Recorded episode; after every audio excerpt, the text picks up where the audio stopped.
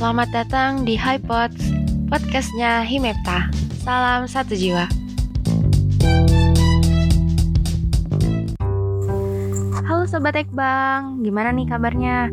Semoga sehat selalu ya. Stay safe and stay health.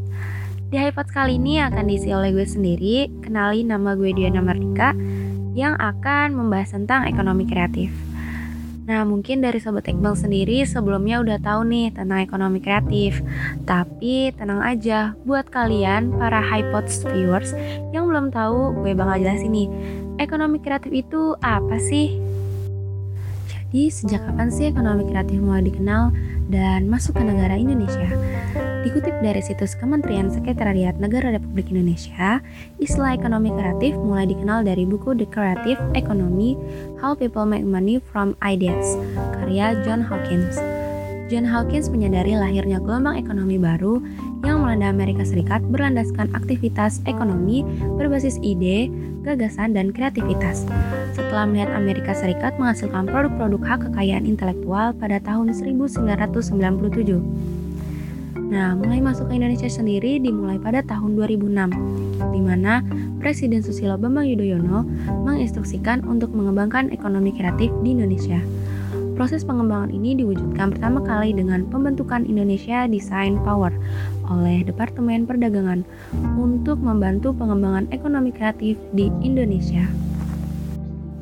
Kemudian pada tahun 2008 dilakukan peluncuran cetak biru pengembangan ekonomi kreatif Indonesia 2025 dan cetak biru pengembangan 14 subsektor industri kreatif Indonesia. Cetak biru adalah kerangka kerja terperinci sebagai landasan dalam pembuatan kebijakan yang meliputi penetapan tujuan dan sasaran, penyusunan strategi, pelaksanaan program, dan fokus kegiatan.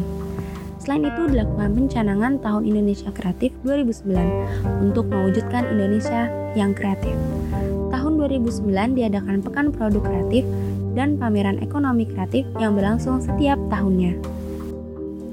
Itulah setelah tentang proses masuknya ekonomi kreatif di Indonesia.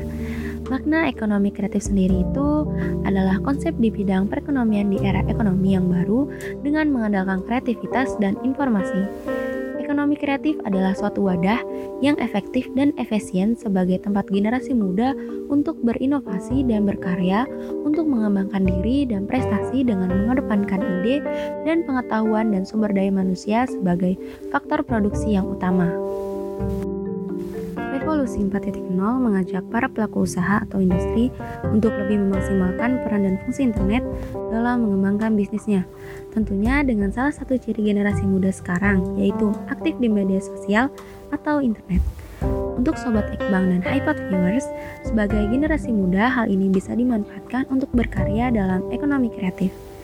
Ekonomi kreatif juga memberikan profit atau keuntungan finansial kepada generasi muda yang juga diharapkan mampu menambah pertumbuhan ekonomi bangsa. Terutama di masa pandemi seperti ini, menjadikan kita diharuskan untuk menjadi lebih kreatif, di mana kita generasi muda yaitu sebagai agen of change masyarakat. Pastinya banyak sektor yang dapat dijadikan ekonomi kreatif, yaitu mulai dari sektor fashion, seni, kuliner, desain produk, game online, film, animasi, dan masih banyak lagi yang menjadi pilihan strategis untuk terus ditumbuh kembangkan. Gimana nih dari Sobat Ekbang dan HiPods viewers? Pemahaman kalian tentang ekonomi kreatif semoga bertambah ya. Itulah penjelasan singkat mengenai ekonomi kreatif. Semoga bermanfaat ya. Cukup sekian, gue Diana pamit undur diri. Sampai jumpa di episode HiPod selanjutnya. See you.